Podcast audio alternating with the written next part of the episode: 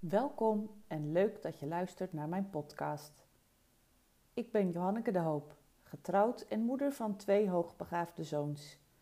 Sinds een jaar of vijf weet ik dat ik zelf ook tot deze doelgroep behoor. Ik heb als expert hoogbegaafdheid in de zorg een coachingspraktijk voor hoogbegaafde vrouwen aan huis.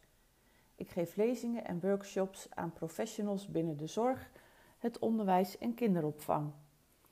Daarnaast geef ik samen met een collega trainingen aan ouders van hoogbegaafde en hoogsensitieve kinderen.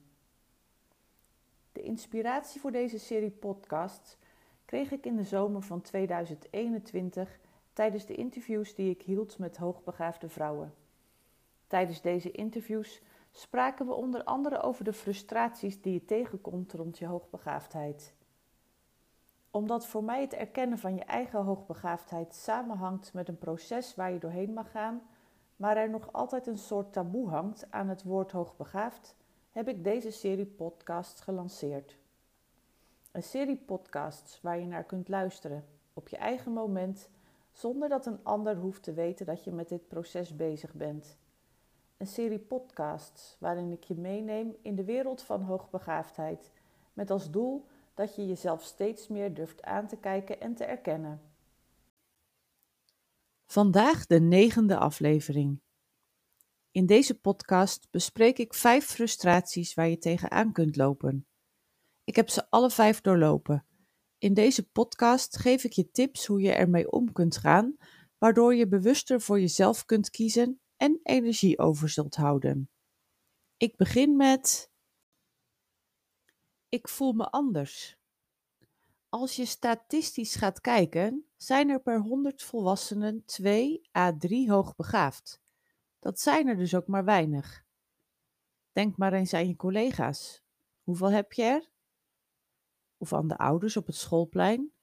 Hoeveel staan er elke middag? Hoeveel daarvan zijn dan net als jij hoogbegaafd? Juist, erg weinig. Het klopt dus dat jij je anders voelt. Wat is nou een goede definitie van hoogbegaafdheid? Er zijn veel modellen, definities, maar zelf houd ik van de volgende, de Delphi-definitie. Een hoogbegaafde is een snelle en slimme denker die complexe zaken aan kan. Autonoom, nieuwsgierig en gedreven van aard. Een sensitief en emotioneel mens, intens levend. Hij of zij schept plezier in creëren. Over de Delphi-model, over de Delphi-definitie, heb ik een andere podcast gemaakt. Luister die gerust eens terug. Als je er meer over wilt lezen, dan raad ik je het boek Hoogbegaafd, dat zie je zo, over zelfbeeld en imago van hoogbegaafden aan. Dit boek is geschreven door Maud Kooijman van Tiel.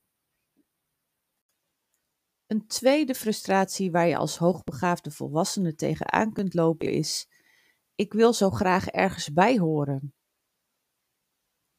Als je je nou beseft dat maar 2 à 3 op de 100 volwassenen hoogbegaafd zijn en je elkaar dus niet zo vaak tegenkomt, is het fijn om te weten dat er wel mogelijkheden zijn om elkaar te ontmoeten.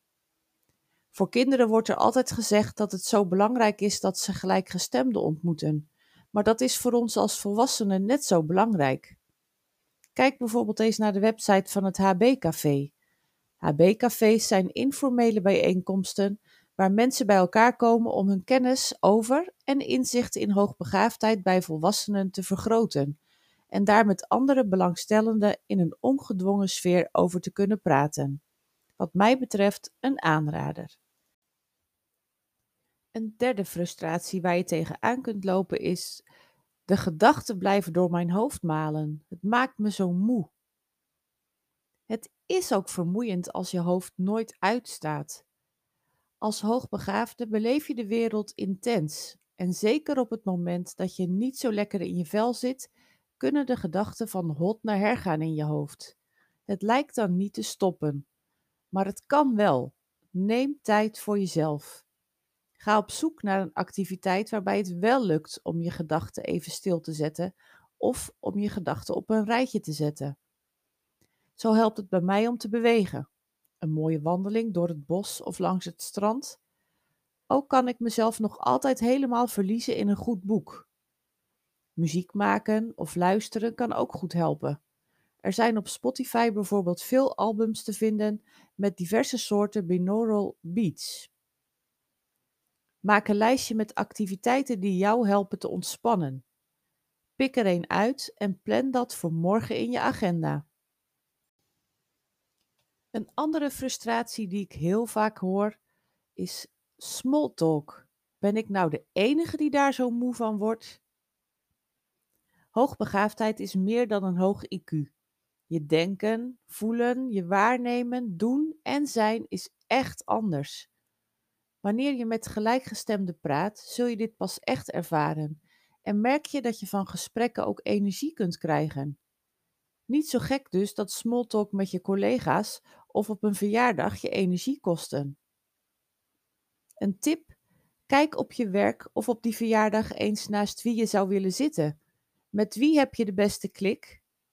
Met wie heb je raakvlakken? Of misschien kun je halverwege je pauze wel een wandeling gaan maken. Bij die ene verjaardag kun je ook best iets minder lang blijven. Spreek met je partner een tijdstip af, tijdstip af en houd je daaraan. Een belangrijke tip nog: mijd de persoon die energie vreet. Ga echt bewust op een andere plek zitten en kies voor jezelf. De vijfde en laatste frustratie waar we het vandaag in de podcast over hebben is: ik ben klaar met het aanpassen aan de ander. Het kost zoveel energie. Dit is een patroon waar je zeer waarschijnlijk al sinds kleins af aan in zit. Het aanpassen kost ontzettend veel energie en kan tot lichamelijke klachten leiden. Denk aan hoofdpijn, buikpijn, etc. Waar gaat dit bij jou in je lijf zitten? Welke lichamelijke klachten kun je hier aan koppelen? Je kunt zeker uit dit patroon komen, maar geef jezelf hiervoor wel de tijd.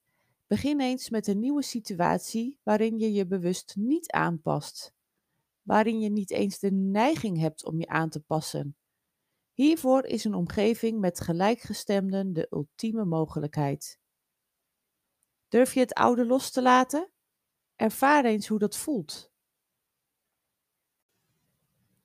Bedankt voor het luisteren. Kom in beweging en begin met de tips die ik je heb gegeven tijdens deze podcast. Vind je het lastig om hiermee te beginnen? Of mocht je nog vragen hebben over de vijf frustraties die zijn genoemd? Of wil je hier voor jezelf dieper naar kijken? Neem dan gerust contact met me op via de mail, app of door me te bellen voor een afspraak. Wil je alles nog eens rustig nalezen? Dat kan door naar mijn website te gaan. Onder de link naar mijn podcast vind je een link naar een e-book waarin ik alles nog een keertje opgeschreven heb. Wie weet, tot ziens. Ben je benieuwd naar mijn aanbod? Ga dan naar mijn website www.opstap-coaching.nl of bezoek mijn Facebookpagina op Stapcoaching Middelburg. Heb je suggesties voor een nieuwe aflevering of wil je een review geven? Laat gerust een reactie achter.